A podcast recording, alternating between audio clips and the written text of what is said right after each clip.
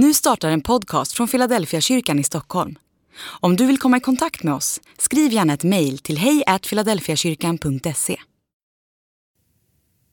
Dag 191 Daglig omvändelse Petrus vände sig om och fick se att den lärjunge som Jesus älskade följde efter.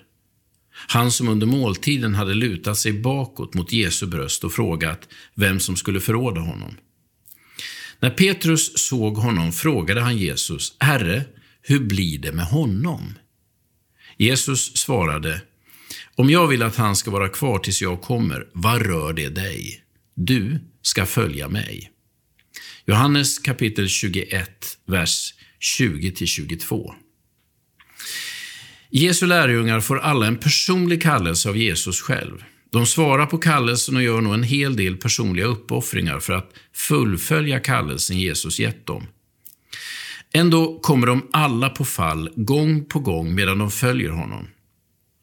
Jesus talar om fattigdom, ödmjukhet och försoning, men lärjungarna vill kalla ner eld över de byar som avvisar hans budskap. När Jesus talar om att ge sitt liv för andra människors skull spekulerar de om vem som ska få de bästa platserna i det kommande Messiasriket.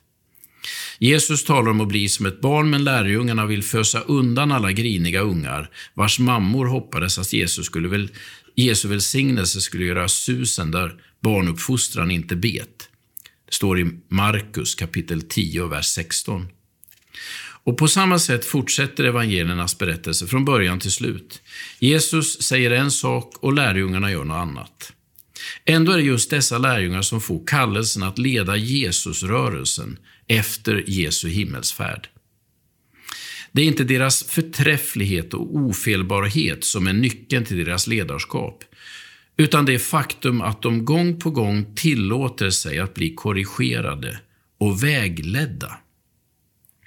Även om, även om de alla flyr i samband med Jesu död, så kommer de tillbaka.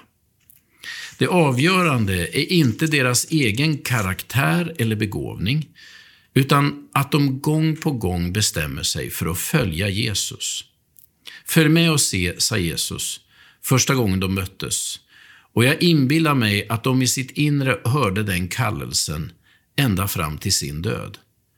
Att vara kristen är inte att vara perfekt. Det är att vara på väg.